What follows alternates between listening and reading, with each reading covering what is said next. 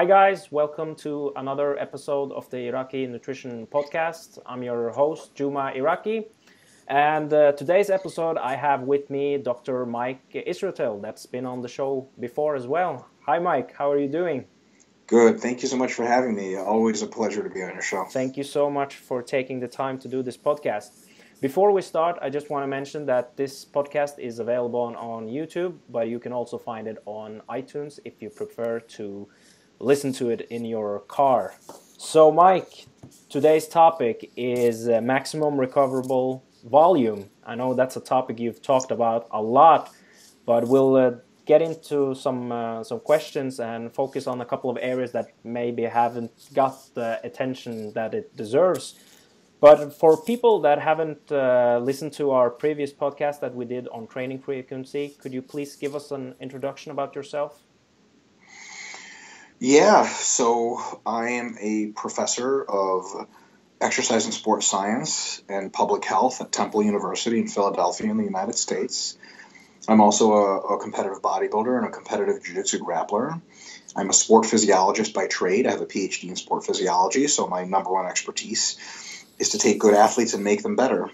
And uh, recently, I've been involving myself quite a bit in um, trying to get a good theoretical understanding of the fundamental question of how much training is the right amount of training to do. And that's what the maximum recoverable volume terminology and the related terminology, which I can introduce some of today. I've introduced it a little bit in other talks, but I can really expound on it today. That's what it's really seeking to address. Answering an age old question that many people, even when I was going to school, weren't even asking how much training is a good idea because we know two things for sure. There is such a thing as too little training because if you did more, you get better.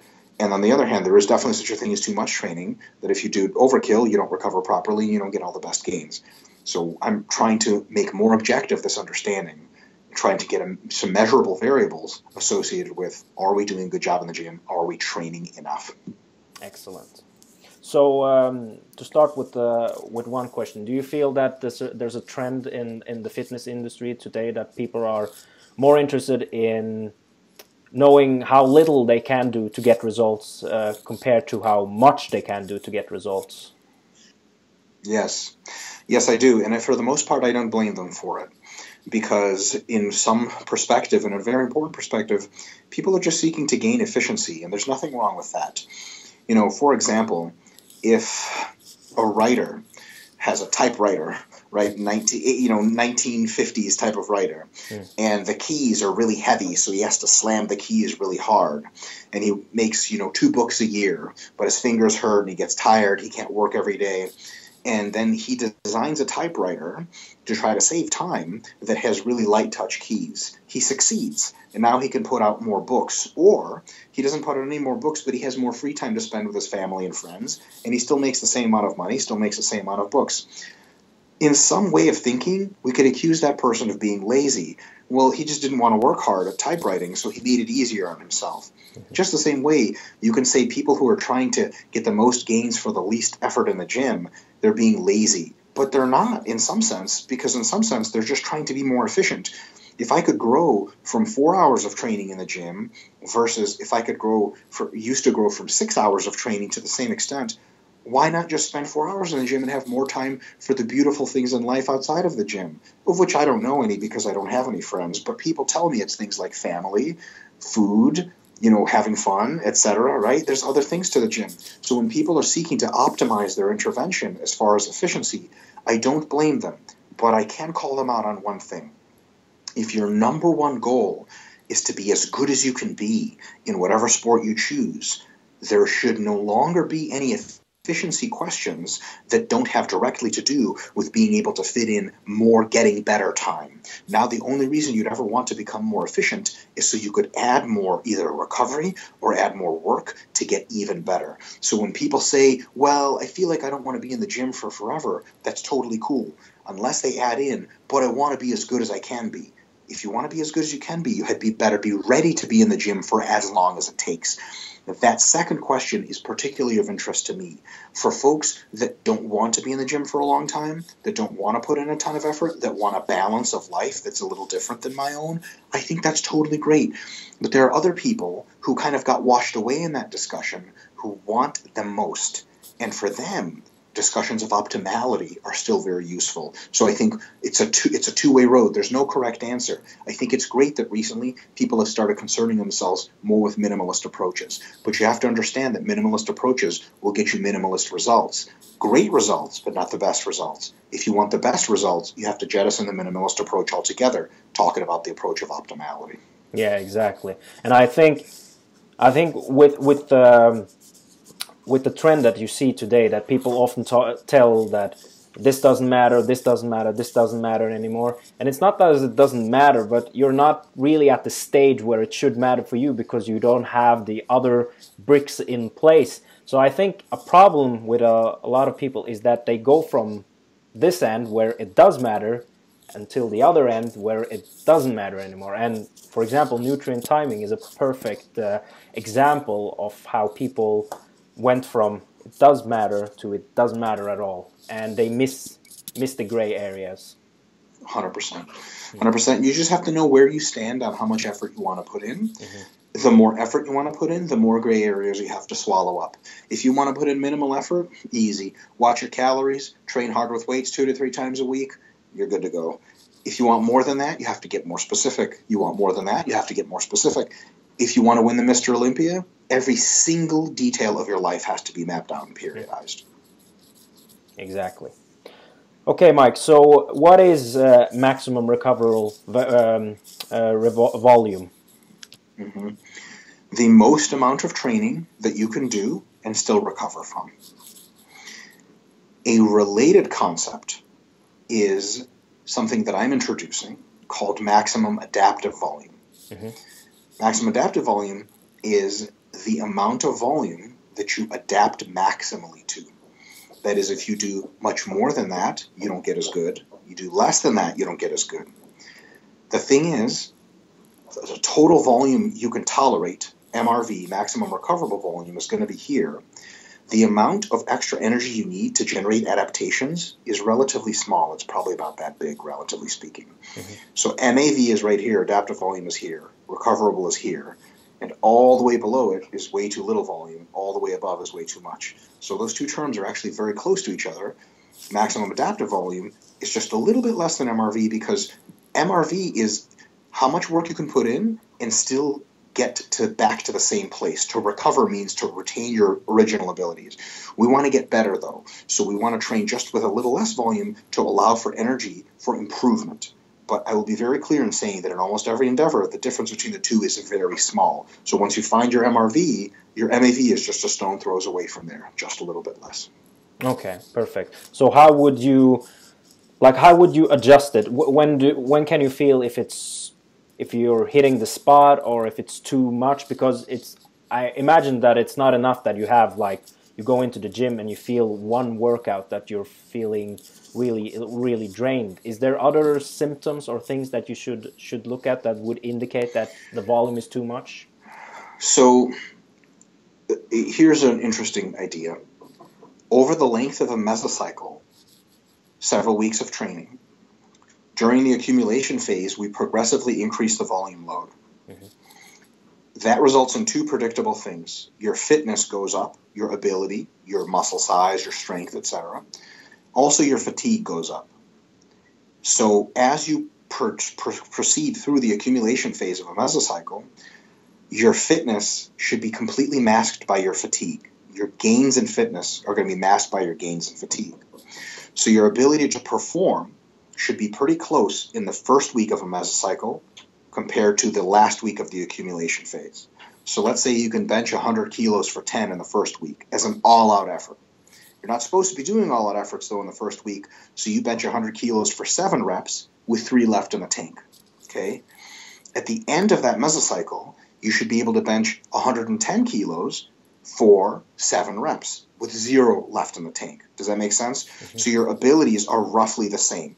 Right? So ideally, so if you could bench 100 kilos, if it, if a gun was to your head in the first week for 10, in the last week you should also be able to bench it for 10.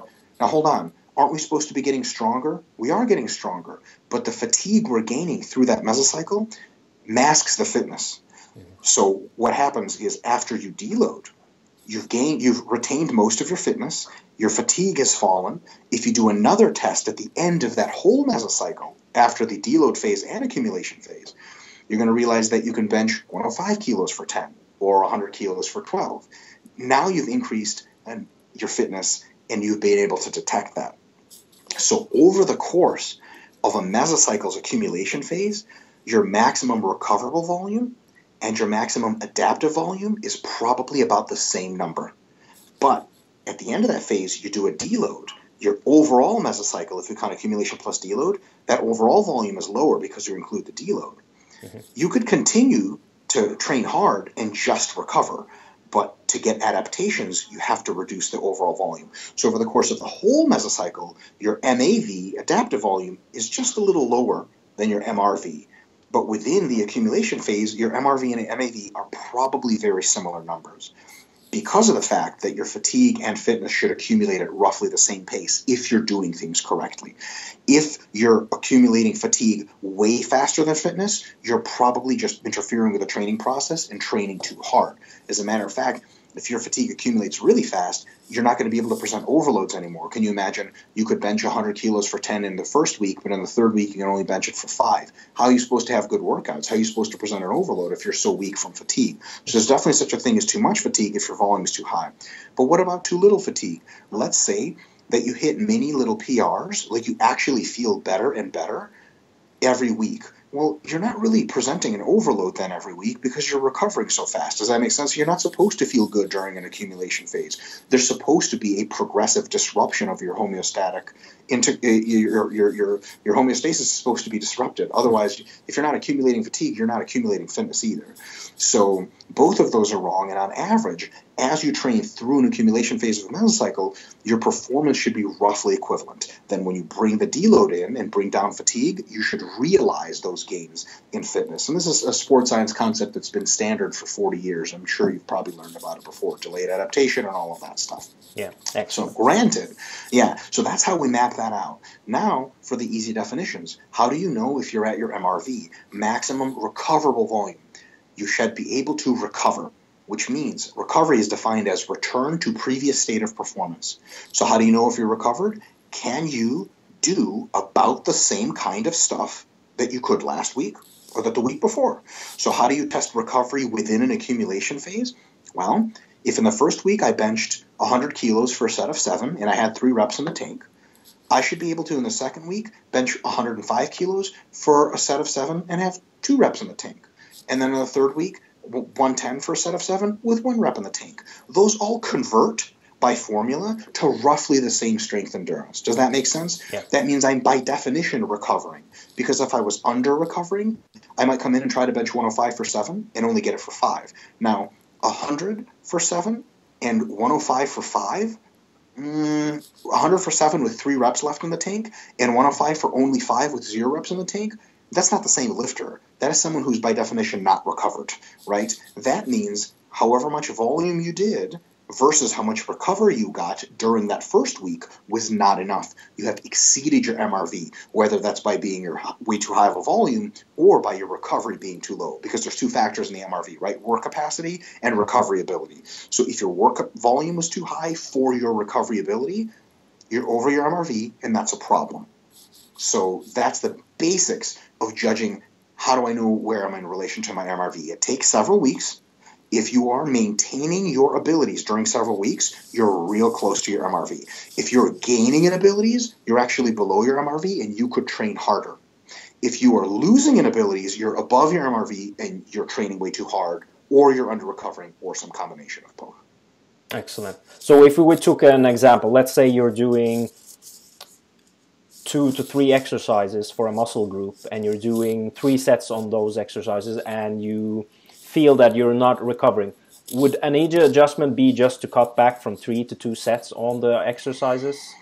Or how would you how would you do it to cut back? The answer to that question is not immediately apparent, and it's context specific. Mm-hmm.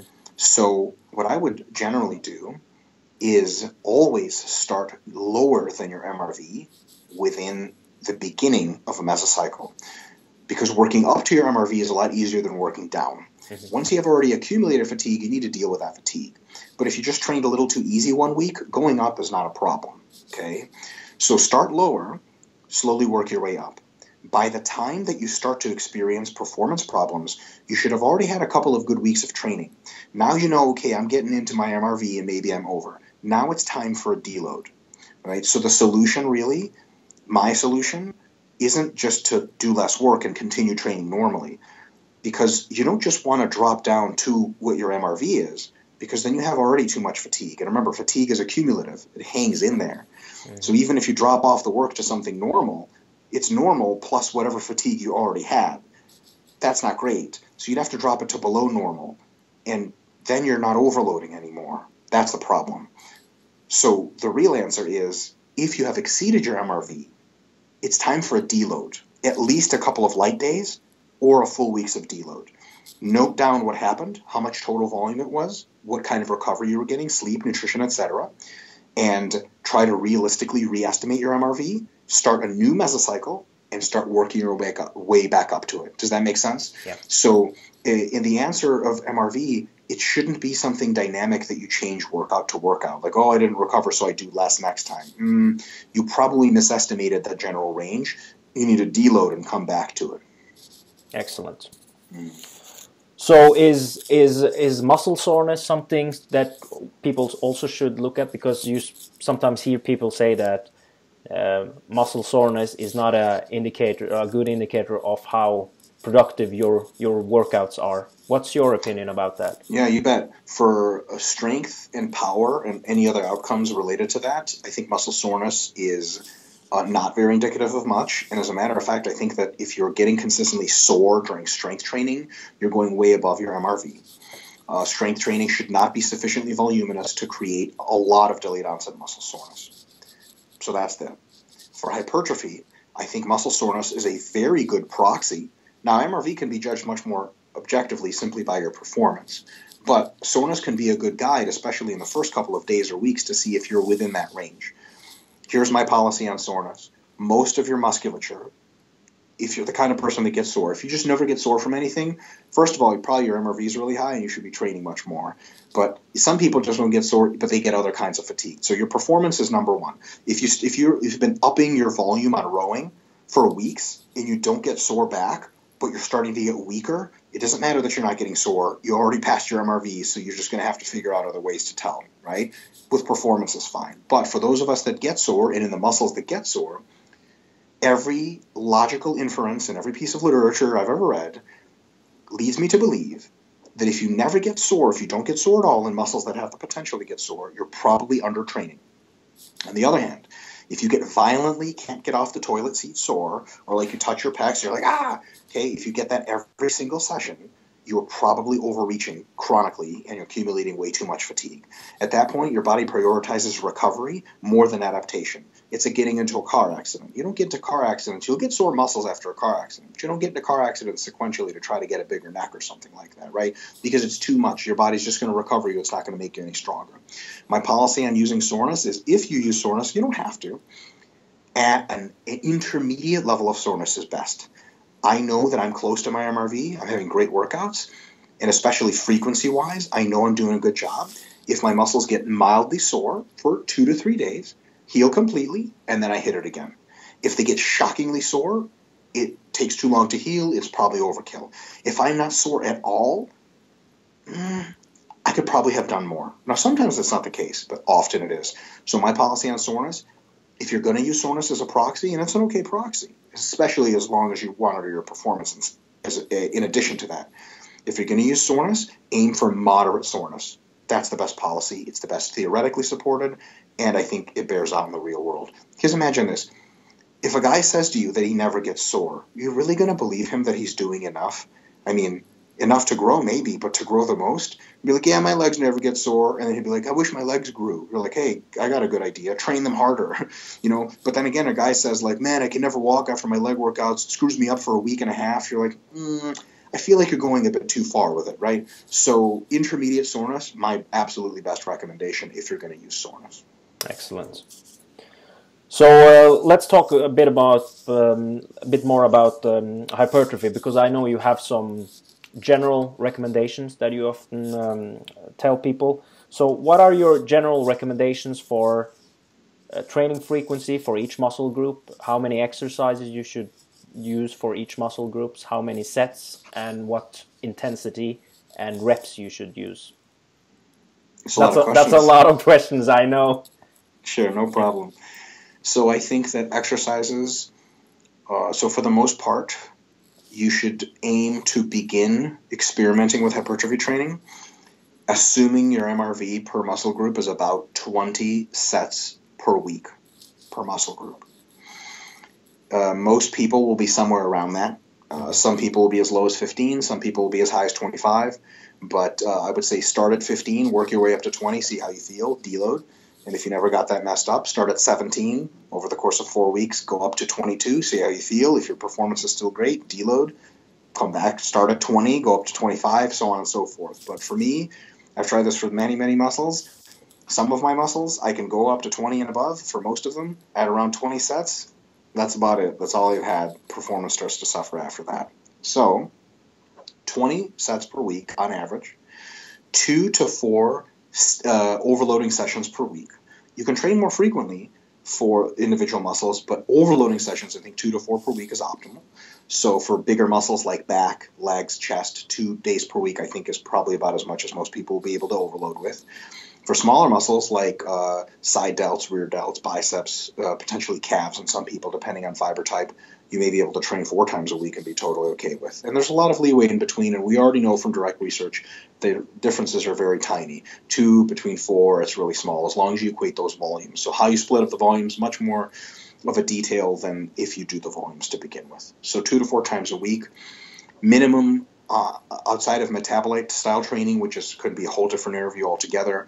Uh, in metabolite style training should be reserved for every now and again, every three or four mesocycles, not all the time. Um, outside of that special consideration, I think a minimum of 60% 1RM is a good idea.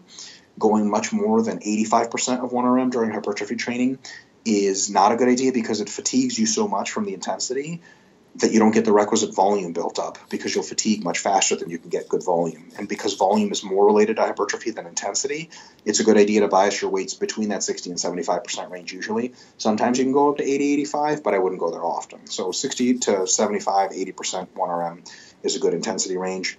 As far as number of exercises, it depends on if you mean number of exercises per week, per body part, or per session. Per session. Per session. Mm-hmm. Uh, per session per body part or yeah. per session that you're in the gym? Per session per body part. Per session per body. So, like, how many chest exercises yeah. do I do on the day that I do chest and yeah. maybe biceps and triceps? Yeah. Um, I would say two. um, because what that does is if you use two exercises uh, per session uh, for a muscle group and you have two sessions a week where maybe you repeat those two exercises or you repeat just one of them or you use two new ones later in that week, um, then what ends up happening is it, it, I would basically say two to three, maybe two to usually two to three different movements per week per muscle group. I don't recommend higher. Obviously, I don't recommend lower because you don't get full uh, integration of all motor units with anything less. You know, you can't just bench press your weight out big chest. I mean, it'll get big, but maximal development, you have to hit different angles, etc. That's fine. However, I don't like to see when people do every exercise in the gym because it really destroys our concept of, of strategic variation. The reason variation is so great is because what you can do is use the principle of specificity and directed adaptation by getting really good at a particular set of exercises bent over rows, pull ups, and machine cable rows. You do those for a whole month, you increase the volume loads, sets on them, you increase their weights, and you get really much better at them and you get that hypertrophic, hypertrophic benefit.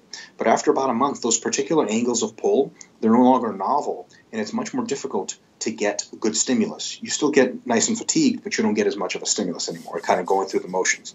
At that point, it's a good idea to use variation and every mesocycle or so replace those exercises with related alternatives. Instead of bent over rows overhand, you can switch to underhand or neutral grip, pull ups, switch the grips, go wide grip, go close grip, different cables, different machines. Pick another two to three exercises and work those for that body part. Because as you were doing the other two to three exercises, your body forgot it ever knew how to do those other the new ones and it, it, it, delays in its ability to adapt. It reduces in its uh, ability to adapt to them. So its adaptive proclivity goes up. When you start hitting it, adaptive proclivity starts to go down over the course of the mesocycle. Then you introduce a new group of exercises that is once again useful. The problem is if you never rotate exercises, everything gets stale and you don't get great gains. But everybody already knows that. Nobody's trying to get big, big legs just squatting. Mm-hmm. However, people say variation is great and they'll go overboard in the other example. There's a lot of bodybuilders on, on Instagram, for example, they have a leg workout, typical leg workout, leg extensions, squats, hack squats, leg press, lunges. What the hell are you going to do next month? What do you uh, really like? You you literally burn through all of your variants. You have succeeded in getting just as much hypertrophy as you would with two or three exercises, except you use five or six, and you've succeeded in another thing completely reducing your body's ability to experience a novel stimulus because you've thrown everything at it that it'll ever see. So you could have done that with two or three exercises and got just the same hypertrophy and then had something waiting in the background to introduce later. For example, if I go a whole mesocycle or two without doing any barbell lunges, when I start doing lunges, oh my God, the pumps are insane. The delayed onset muscle soreness is crazy. Don't have to use nearly as much volume to get the same effect, and you get great new stimulus. But if you use everything all the time, what are you going to do next mesocycle? What are you going to do mesocycle way? So there's definitely a good idea for me to conserve exercise variation. So when people ask me the next question, well, if you only do two or three exercises, how the hell do you get up to 20 sets per week? Down sets, lots of sets. You know, people say three by 10. Forget three by 10. 10 reps is fine. Five by 10, six by 10, eight by 10. And if you get too tired to do tens, you reduce the load. So a typical squat workout for me is I pick a squat variant for a month, high bar squats, for example. I do four sets heavy, three sets light. Next week, four sets heavy, four sets light. Next week, five sets heavy, four sets light, then deload. That's a lot of squatting. But the good news is, when I switch to mostly leg pressing in the next cycle, I'm really fresh to leg pressing, and I haven't seen it in a long time, and I get great results. So there's got to be that balance there of using enough variation within a mesocycle, couple of exercises, but not so much that you burn through all your variants, and then you, I don't even know what you would do after that. Have to take a break from training for hypertrophy at all or something, and really reduce your exercise variation and, and wait for it again. Excellent answer. So, just a follow up question What are your general recommendations for deloads? Are those things you recommend that people schedule in their programs or just use them when they really feel that they need a deload from training? Yeah, so eventually, hopefully, our Dr. Hoffman's schedule clears up more. So we're, we're co- authoring Dr. Uh, James Hoffman and I are co-authoring a book about recovery, which is going to be really awesome. Mm-hmm. The book is largely finished, but unfortunately, Dr. Hoffman and I have both been slammed with a lot of administrative duties at work, and uh, the book process is a little bit delayed. Luckily, we never sent out a, a date, you know, that was going to be released. So hopefully, it'll be done early next year. We're going to get into this concept extensively, but you know, people are always asking the question of what's better, pre-programmed fatigue management or regulatory fatigue management? The answer is both. Mm-hmm. So, what you want to do is you want to have a good plan for when to deload. But if you feel pretty good and you can still go a week, you could, and it fits your annual plan, it doesn't interfere with competitive schedule, take another week to train. But if your deload is supposed to be in two weeks and you're wrecked a week early, time to deload. So it should be a combination of auto-regulatory strategies and pre-planned strategies. The biggest problem with just doing auto-regulation is this. If you auto-regulate only, within two or three days of taking uh, deload style workouts, uh, otherwise called recovery sessions, you're going to feel good. The problem is joint structures, muscular musculotendinous unit, a lot of underlying nervous system activity, and especially testosterone cortisol ratios and other autocrine paracrine factors even though you feel good, they're not recovered in that fast of a timeline. So what you end up doing is if you only auto-regulate, you'll never actually feel like you have to take a week of full deloading or a week of active rest because those things you never feel. You never feel your tendons fraying. You just literally, they're literally not innervated, right? So you're always going to feel pretty good after a couple of days, and you'll tell someone, hey, I've been training for six months straight. I only have to take a couple of days off here and there. Auto regulation is great. You're going to come to the gym, you're going to warm up to your squat max or your big working set, and you're going to pop your tendon right off your bone. And you're going to go, I wonder what went wrong. What went wrong is you never took a week or two of intentionally light training, even though you didn't feel like it because you knew physiologically from studying and from learning that structures are going to get degraded over time. Does that make sense? And we have to have pre programmed active rests that are one to two weeks long and deloads that are about a week long every now and again during the year because we know we have to take them, not because we have we, we feel like it. Does that make sense? Yeah. Um, you know, uh, you it's just like taking a vacation or something like that. You might feel really good, like you don't need a vacation. Take one anyway because you've got a whole month of hard work coming up. Because when the big projects start at work and your deadlines due, it's too late to be like, oh shit, now I need a vacation. Well, you should have thought of that when the vacation time came up. Does that make sense? Yeah. So auto regulation is great, but you have to have an ultra structure of planned regulation for the stuff you can't feel. Once that's in place, you can smooth the edges by auto-regulating when you need, or in, uh, so deloading when you need with auto-regulation, or overloading when you can still handle it. Excellent. So, um, final question for for you, Mike.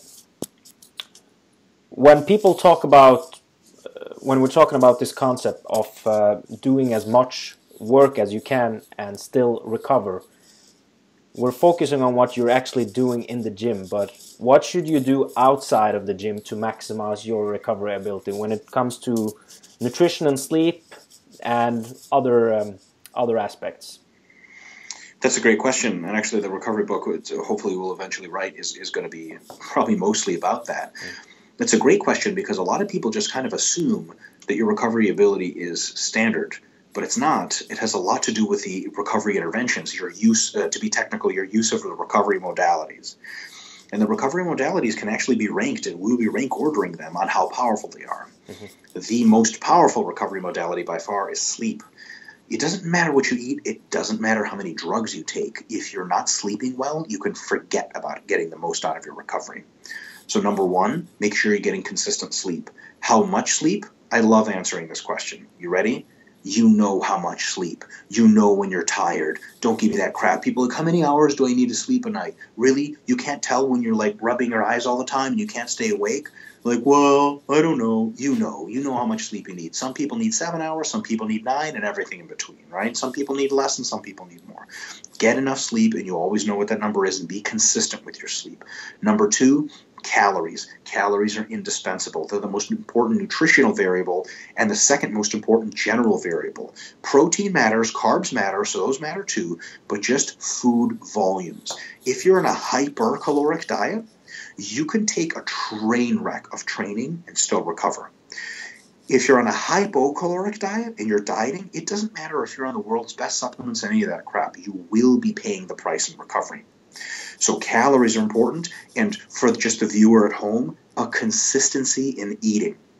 If you don't want to be a very good athlete, just eat when you feel like it and undereat often and go for eight hours without eating. You know, when some people are good about this kind of stuff, and it, it just takes a little bit of a modification. For example, you're European, this might make some sense to you you go to a dance festival or an electronic music festival. Okay, I love electronic music. It's pretty much the only music I listen to. I'd love to live in Europe because I get to go a whole lot more shows.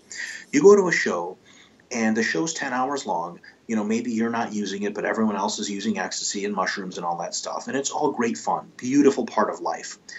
A dedicated lifter, you don't have to not go to music shows. But what you have to do is literally, because you're there for 10 hours, eat before you leave pack three protein bars that at the five hour mark you eat all three and then you go back to having fun. And then after that 10 hours you take all your friends out to go get some restaurant food. Problem solved. With three fucking protein bars. It's all it took. You don't have to go on Facebook and Instagram and go hashtag determination, hashtag goals, hashtag sacrifice. Three protein bars and you're golden, right? And you just have to eat them all at once. You don't even have to like eat them all the time or have a picture of you and your cooler at everyone's dancing and you have a fucking cooler, right? So it's that easy and it just takes a little bit of foresight. I hang out, a bunch of my friends are not lifters. They're remotely interested in lifting. They're people that I just have fun with in 50 other different kinds of ways. Mostly they sit around and, and, and drink, and, and I sit around and chill with them, and we talk and campfires and stuff to odd hours in the morning. The only modification I make is I just make sure to bring a little bit more food and some protein bars and I'm good to go. It's that kind of stuff, that consistency of recovery that makes you really good. And when your friends are saying, hey, you know, we're going to party more tomorrow, you going to party with us? You say, yep, but right now I'm going to go get my eight hours of sleep and I'll be back up in the morning with you guys. We're going to camp out in front of the music and we're going to have a great time and it's all going to be well, but you just make sure to get some sleep, right? It's none of this is, you don't have to isolate yourself in a chamber and live your life in Dragon Ball Z style right? Where you don't speak to anyone else just to get strong. Just have the little things of just getting enough sleep and getting enough food. And the last big one, I can talk about this for hours, you can probably tell. The last really big ingredient is uh, stress management. And uh, stress will kill you, literally, but it'll also ruin your ability to recover. So, one thing that I can say is a big piece of life advice for the good athlete who wants to recover you have a certain amount of work and responsibilities. Breathe in, breathe out, calmly and happily execute your work in a timely fashion. Finish your work, go have fun. Don't let the work worry you. Do a good job and be yourself. Have fun with your friends. Relax, eat, enjoy life. However, if you don't get your work on time, if you're rushing all the time, if you're late to stuff all the time, if you have deadlines piling up, if you're worried about everything, it's going to ruin your recovery ability no matter what you eat, no matter how much you sleep, because stress kills. So do a good job, do your work, and then relax. There's nothing to ever worry about because worry is an outdated human emotion that we inherited in the jungle and we don't need anymore. Another good example of how not to worry traffic is there anything you can do about traffic? If you're sitting in traffic, is there anything, if you're Magneto, you can just move the cars out of the way. Great. Then just do that. But people get worried in traffic, and there's no function to that. If you're worried or not worried, you still get to the destination at exactly the same time. So when something is out of your control, don't worry about it. And remember this if that's not convincing enough, if I'm being too hippie for you, if I'm being too much like, hey man, you know, don't worry, bro, like it's all okay. You're like, no, I want success. I have to worry. Bullshit. If you really want success, the dedicated athlete is so in control of his mind, he knows that his body cannot afford worry. The dedicated athlete makes it a point not to worry. Other people get to worry. Regular people who don't care about how their bodies perform, they get the luxury of worrying. A good athlete does not. So when you're on the train and the train stops because of maintenance or repairs, and people are going to be late to work and they're going to be late to school, everyone around you is going to be texting on their phone, fuck, I fucking hate the train, I hate this, this is stupid, they're going to be freaking out. The dedicated athlete smiles, watches Netflix on their phone, relaxes because they know they have a big squat session later that day. They can afford to piss away their recovery with worry. That's my big take home message on that part. Excellent, excellent.